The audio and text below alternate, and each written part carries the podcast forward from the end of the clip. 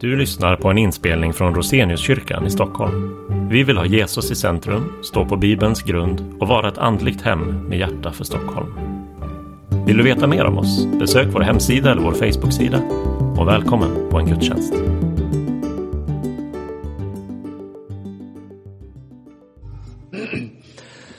Dagens predikotext är dagens episteltext som är hämtad från Romarbrevet kapitel 16, vers 1-7.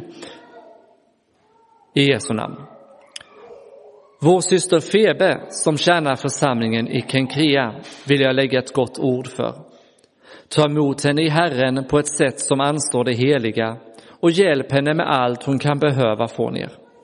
Hon har själv varit en hjälp för många, även för mig. Hälsa Priska och Aquila, mina medarbetare i Kristus Jesus. De har riskerat sina liv för mig och inte bara jag, utan alla hedna kristna församlingar tackar dem. Hälsa också församlingen som möts i deras hus. Hälsa min älskade Epenetus som är Asiens förstlingsfrukt till Kristus. Hälsa Maria som har arbetat mycket för er.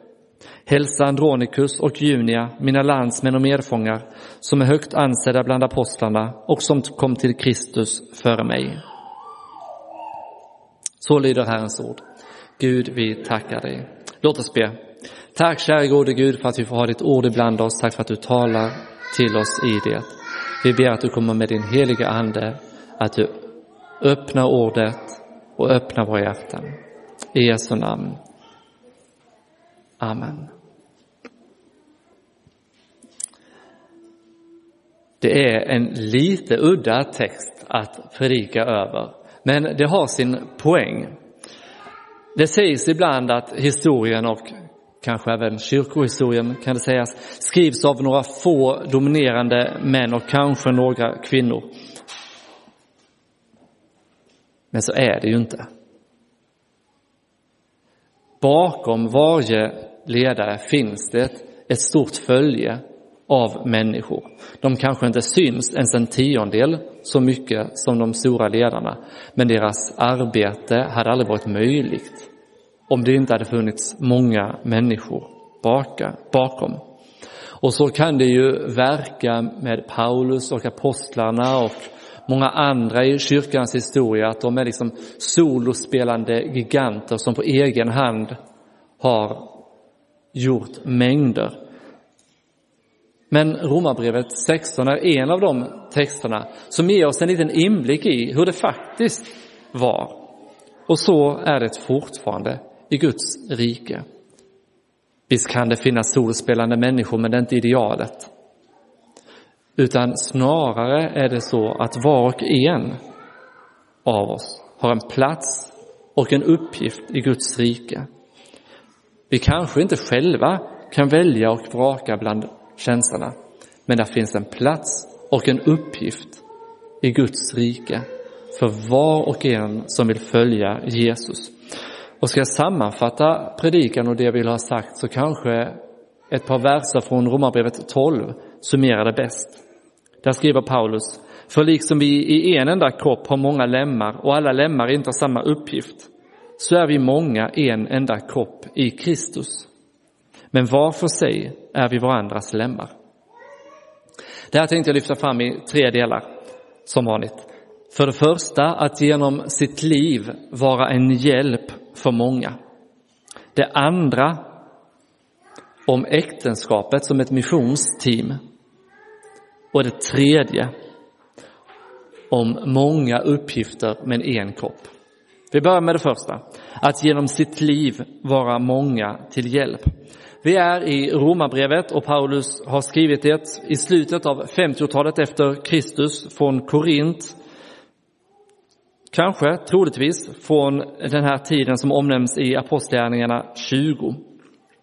Paulus har själv aldrig besökt Rom, men han känner en del av människorna som bor där och han planerar att åka dit i samband med att han vill resa vidare till Spanien. Hälsningar i hans brev, liksom i brev från antiken i allmänhet, var vanliga eh, i slutet. Och det vet vi ju såklart även från våra egna brev. Det är inte sällan att man skriver i ett avslutande mejl, ett avslutningen sådär, hälsa familjen eller hälsa dem och dem och så vidare. Det som är lite ovanligt med Romarbrevet 16, det är att det är så många hälsningar som Paulus skickar. Han brukar ge några hälsningar, men här är det ovanligt många.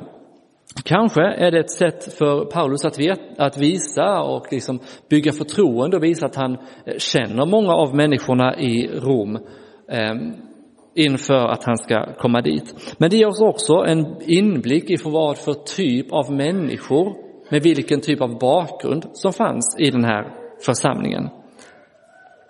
Namnen visar till exempel, det här kan inte jag själv utan det har jag läst mig till, men namnen visar till exempel att här finns hedningar, judar, slavar och frigivna slavar. Vissa verkar vara rika och inflytelserika. Skulle du läsa vidare i hälsningarna så märker du att det finns några som verkar höra till hushåll med kopplingar både till eh, en av eh, kungarna Herodes och till eh, eh en av kejsarna, en kejsare i romarriket. Här finns många kvinnor omnämnda. Nio av de 26 namnen i hälsningarna hör till kvinnor. Den första personen som Paulus lyfter fram i hälsningen är Febe. Han kallar henne för vår syster. Det här är det enda omnämnandet av Febe i Nya Testamentet, så vi vet inte mer om henne än de två verserna som vi får här i inledningen på kapitel 16. Namnet eh, skvallrar om att hon antagligen har varit hedning. Ehm, namnet kommer från den grekiska mytologin, men hon har uppenbarligen blivit kristen de flesta kommentatorer anser att det troligaste är att hon är den som kommer med, alltså levererar brevet från Paulus till församlingen i Rom och att hon bland annat därför får en eh, personlig rekommendation från Paulus till församlingen i Rom. Så att man ska veta att det här är en älskad medarbetare till Paulus som de gör rätt i att ta emot eh, med all kärlek och omsorg. Hon får en personlig rekommendation av Paulus och det är tydligt att Paulus sätter stort värde på Febe. Paulus skriver om henne att hon tjänar församlingen i Kenkria och ordet som används är, för, för tjäna är diakonos. Eh, hon har alltså någon typ av diakonal uppgift. Det skulle kunna betyda att hon bara är till tjänst och på olika sätt liksom hjälper i församlingen, men det skulle också kunna tyda på att hon har en något mer formell roll som eh, diakon, den tjänst som nämns i första Timoteusbrevet 3. Vi vet inte om det var en mer allmän tjänst som hon hade eller om det var den mer, lite mer specifika rollen som nämns i första Timoteusbrevet. Men troligen det senare, en lite mer eh, officiell diakon diakontjänst. Sen vet vi heller inte exakt vad som låg i den här uppgiften ännu. Det var ju väldigt tidigt i kyrkans eh, liv så tjänsterna, ämbetena hade ju inte hunnit utvecklas på samma sätt som de har gjort under århundradena. Men likväl, hon är en tjänare, en typ av diakon i församlingen i Kenkrea. Och Paulus ber romarna att ta emot henne som en syster i Herren, det vill säga som en medkristen och hjälpa henne med allt vad hon behöver. Och så motiverar han det här. Varför ska de egentligen ta emot henne och hjälpa henne med allt vad hon behöver? Jo, hon har själv varit en hjälp för många, även för mig, skriver Paulus. Ordet han använder för hjälp kan betyda ungefär patron, välgörare, hjälp, Alltså det är någonting mer än att bara ge lite assistans utan kanske patron, patron eller benefactor, välgörare i någon, men, eh, i någon mening är det som bäst fångar vad hon har haft, vad har för uppgift. Kenkrea nämns på något mer ställe i Nya Testamentet. Det var en hamnstad i anslutning till Korint. Korint låg ungefär en mil, en och en halv inåt landet och Kenkrea var hamnstaden som man liksom kom till när man skulle vidare till Korint. Och som hamnstad var det såklart en livlig plats. Många människor strömmade genom eh, den här platsen på sin väg vidare, bland annat till Korint.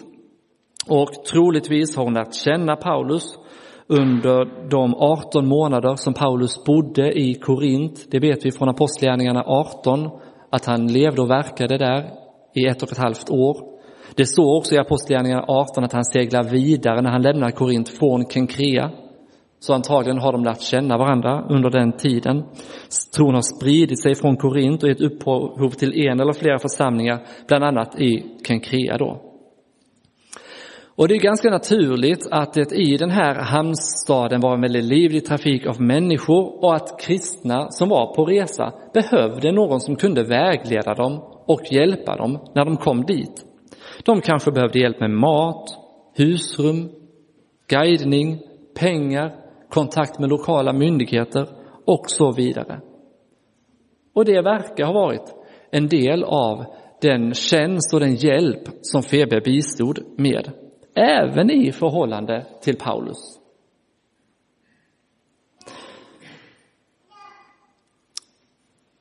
Troligtvis var hon en fri hednisk kristen kvinna, antagligen från de övre samhällsskikten. Hon hade socialt, kulturellt och ekonomiskt kapital. Det skvallrar ju hennes möjligheter att bidra med den här typen av assistans, assistans om. Och allt det har hon ställt i gudstjänst. Och Paulus lovordar henne för det. Två saker kan vi ta till oss från Paulus eh, omnämnande av Febe. Det ena är att vi får ställa hela vårt liv till Guds förfogande. Var och en av oss.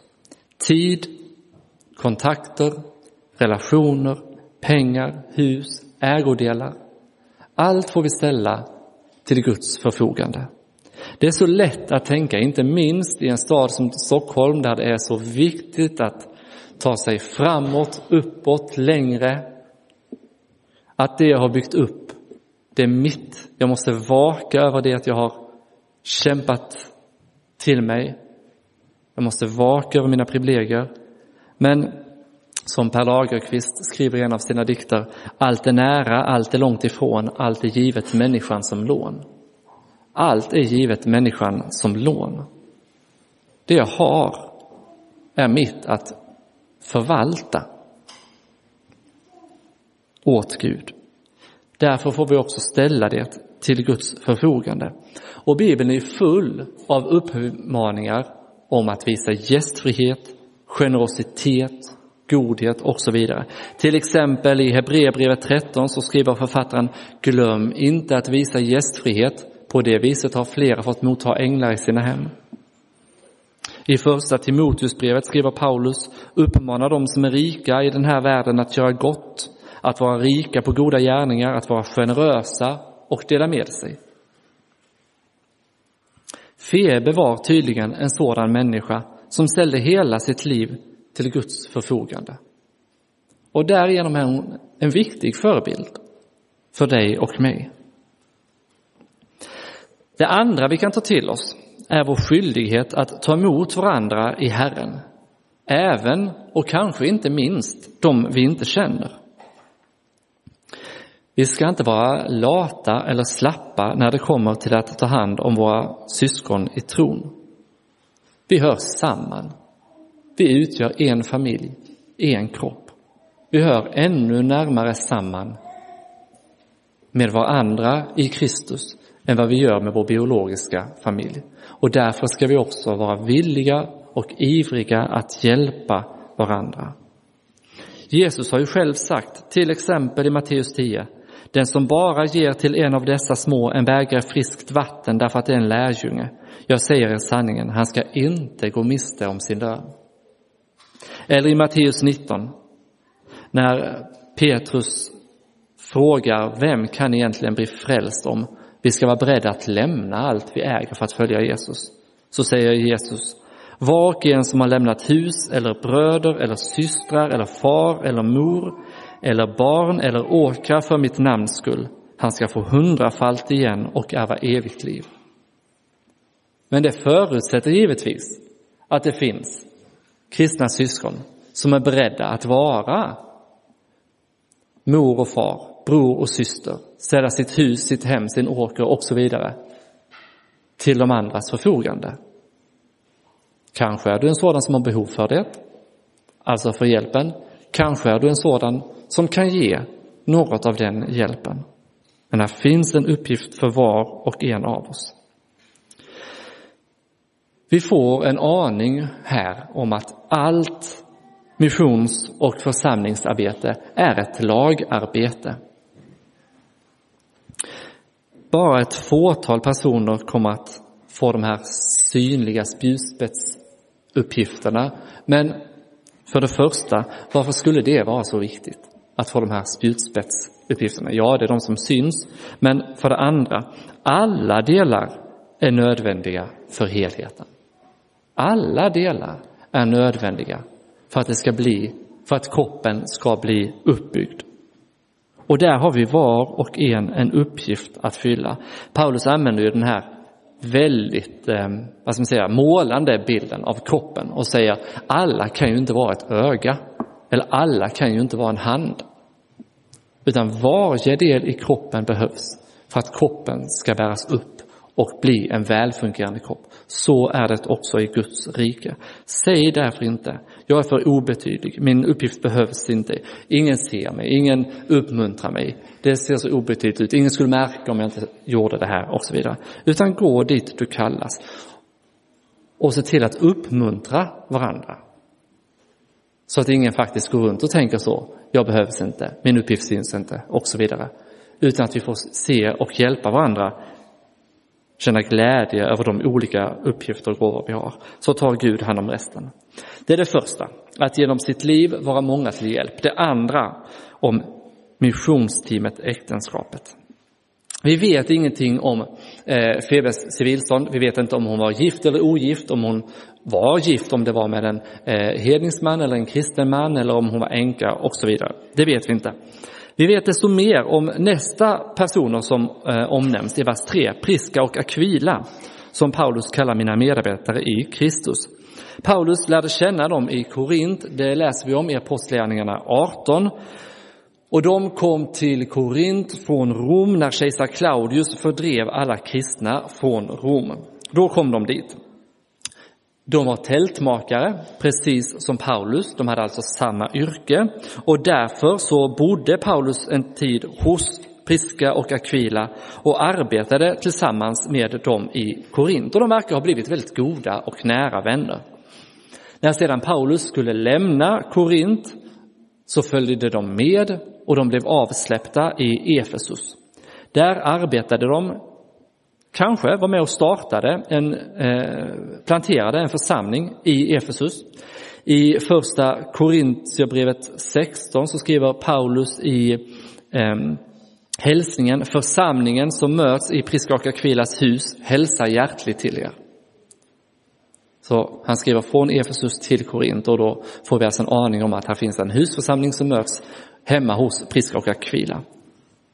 Paulus berättar även om att de har räddat livet på honom vid något tillfälle. Vi vet inte vad det gällde. De är uppenbar, uppenbarligen väldigt kunniga teologiskt. Ehm, vi läser i Apostlagärningarna 19 eller 20 eh, om hur Apollos, en väldigt lärd man från Egypten, Alexandria, kommer till Efesus tror jag det är och undervisar frimodigt, men han har vissa luckor i sin förståelse av dopet och sin förståelse av Kristus. Och då tar Priska och Aquila honom till sig och så ger de honom grundligare undervisning i den kristna tron. Priska och Aquila visar sig vara entreprenörer både i affärer och i missionen. Troligtvis gick affärerna bra för dem. De hade ju möjlighet att skaffa sig hus både i Efesus och Rom som var stora nog för att de skulle kunna ta emot en församling i sina hem. Så det kan inte varit vilka små skyffel som helst. De var nyckelpersoner, eller åtminstone väldigt viktiga personer och medarbetare till Paulus eh, vad gällde missionen i romarrikets storstäder. Vi möter dem, om än bara i korta meningar, så likväl i Rom, i Efesus och i Korint. Vilken gåva det är när man i ett äktenskap som man och kvinna kan stå enade i missionsuppdraget. Oavsett om det gäller långt borta eller alldeles nära. Det är en uppmuntran och en uppmaning till de av oss som får leva i ett äktenskap att vårda och vörda Kristus i våra hem. Vi har en gemensam uppgift i det. Håll Bibeln, bönen och samtalet om Jesus levande i era hem. Låt hemmet vara en missionsstation. Och kom ihåg att barnen är en viktig missionsuppgift.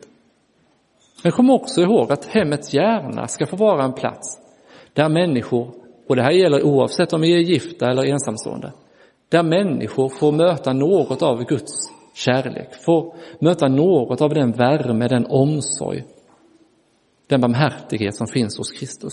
Den ska mötas också i våra hem. Och vara beredda att gå tillsammans i olika uppgifter. Antingen det handlar om att just arbeta utifrån hemmet eller om det kanske handlar om att gå in i ett något mer officiellt uppdrag. Alla kommer givetvis inte åka ut till missionsfältet, men några kanske ska göra det. I samhället är det så lätt att män och kvinnor ställs mot varandra. Och det låter som att det är en strid och ett nollsummespel där om den ene får mer utrymme måste nödvändigtvis den andra få mindre och därför måste vi som klättra på varandra. Men Bibeln ger oss en bild av kärlek, komplettering, vördnad, respekt. Där vi bildar en enhet och ett team. Vi ska återspegla Kristus i våra relationer, inte minst i kärlek, omvändelse och förlåtelse. Det finns skäl att i det här sammanhanget kommentera eller säga någonting om alla de starka kvinnor omkring Paulus som verkar finnas här och som vi möter i de här texterna. Vi vet inte så jättemycket om dem, men vi vet något i alla fall utifrån de här verserna. Bland annat möter vi ju Febe och Priska, eller Priskilla som hon eh, kallas vid ett annat tillfälle. Det är lite intressant att lägga märke till att Priskilla, Priska nämns före sin man fyra av sex gånger som hon nämns i Nya Testamentet. Vi vet inte riktigt varför, vi vet inte eh, vad det beror på, om det är för att hon är mer framstående eller om det är för att hon är mer, eh, vad ska man säga, ivrig eller hur man ska uttrycka det, eller om det är så att hon faktiskt eh, har haft en mer framträdande roll i arbetet. Det vet vi inte, men vi kan bara lägga märke till det. Hur som helst vet vi i alla fall att förstår vi att Paulus sätter väldigt stort värde på hennes kompetens och hennes arbete. Vi kan också lägga märke till att både hon och eh, Aquila, hennes man, tillsammans undervisade Apollos. Och Paulus gläds uppenbarligen åt Febe och Priskillas diakonat, deras användande av sitt kapital och sin missionstjänst. Och vi bör lyfta fram, värdera, uppmuntra starka, driftiga, kunniga, kompetenta kvinnor i vår gemenskap. Det är en gåva till oss som vi gärna ska se och uppmuntra. Vi har även Eh, i vers 7 Andronikus och Junia som är troligtvis är ett annat gift par. Vi vet ingenting mer om dem än vad som står i vers 7. Men antagligen är det ett gift par, Andronikus mannen, Junia kvinnan. Det står här att de är högt ansedda bland apostlarna. Den troligaste förklaringen eller eh, betydelsen av det är att de räknades som apostlar, men att Paulus använder några olika, vad ska man säga, han använder ordet apostel vid några tillfällen med olika vid benämning. Så apostlar benämns givetvis de tolv, men det finns också tillfällen där, ehm, alltså i första Korinthierbrevet 15 till exempel så talar Paulus om hur Kristus först visade sig för de tolv, sedan för Jesus bror Jakob och de andra apostlarna, vilket talar om en vidare benämning. Men sedan så verkar det också användas i ytterligare en vidare benämning som kringresande missionärer, människor som var eh, arbetande i Guds eh, rike. Och troligtvis menar flera kommentatorer att det är så man bör förstå deras tjänst. Det här lyfter fram och visar för oss hur Det finns både män och kvinnor som arbetar tillsammans i missionstjänst, i församlingsplantering, också i undervisning i Guds rike. Samtidigt kan vi lägga märke till att det står inte om någon av dem att de var församlingsledare eller att de predikade offentligt. Och här behöver vi göra ett arbete. I ELM så eh, kallar vi män till att predika och vara församlingsledare. I övrigt, i så sätt i alla andra uppgifter, så kan både män och kvinnor arbeta frimodigt tillsammans. Vi vill hålla båda de perspektiven tillsammans. Att vi tror att eh, Gud kallar vissa män till vissa uppgifter i församlingsledning, förkunnelse och så vidare.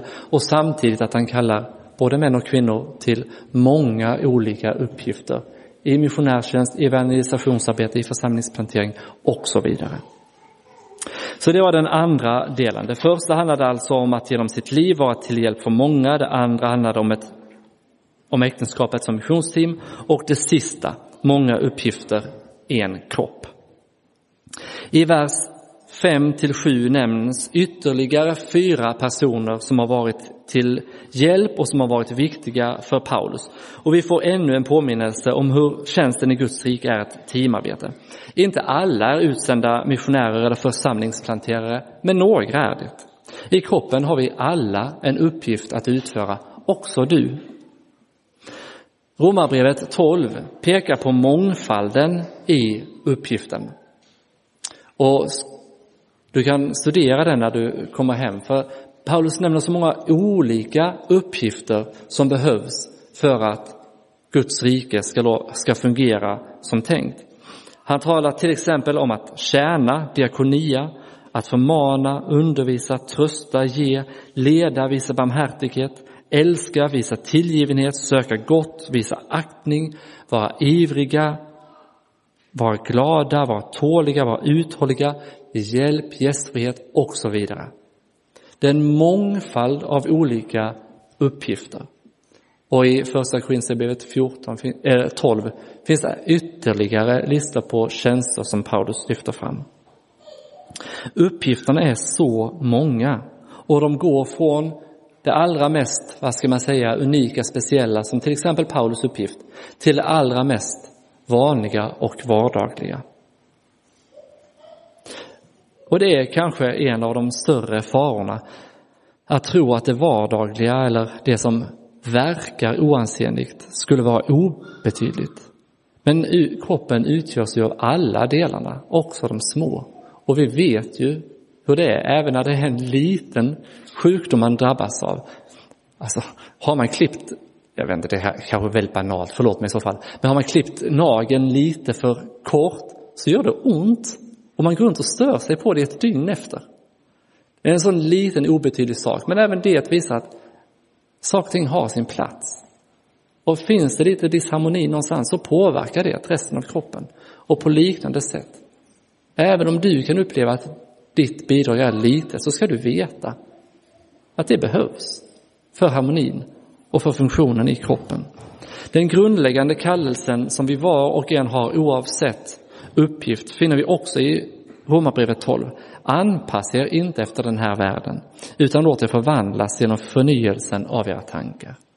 Det är liksom en övergripande, grundläggande kallelse som vi var och en har, som vi ska ta med oss in i alla, oavsett vilken uppgift det är vi har, så får vi ta med oss den kallelsen.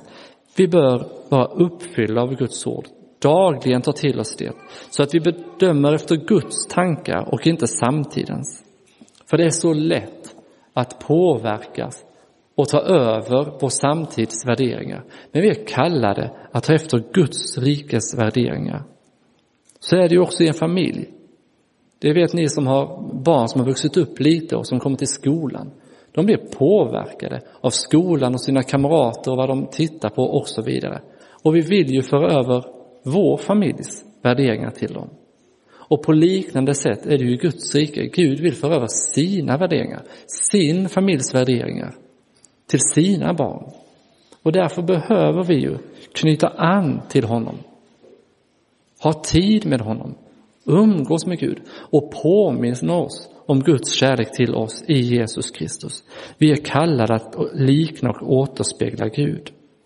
Och så får vi komma ihåg att allt tjänande i Guds rike är ett tjänande i den store tjänarens efterföljd. Petrus skriver i första Petrusbrevet 2, Kristus gav er ett exempel för att ni skulle följa i hans fotspår. Jesus sa när han tvättade lärjungarnas fötter, förstår ni vad jag har gjort med er? Om jag, som är er Herre, har tvättat era fötter, är ni skyldiga att göra på samma sätt. Och Paulus vädjar i andra Korintierbrevet 8, ni känner ju vår Herre, ni känner ju vår Herre Jesu Kristi nåd. Han var rik men blev fattig för er skull för att göra er rika. Så är all vår tjänst ett eko, en återspegling av hans tjänst. Så är kroppen en men lemmarna många. Alla har vi en uppgift, alla är vi kallade och burna av Guds nåd till hans ära. Låt oss be. Tack kära gode Herre Jesus för att du har kallat var och en av oss. Tack för att du först och främst har kallat oss ut ur världen till gemenskap med dig, in i ditt rike. Och vi ber dig om hjälp att varje dag växa i vårt barnaskap och bli mer och mer trygga och förvissade om att du är vår Herre och att du älskar oss och håller oss i dina händer. Så ber vi dig också att du Ta oss i din tjänst och använd oss där du behöver oss. I Jesu namn. Amen.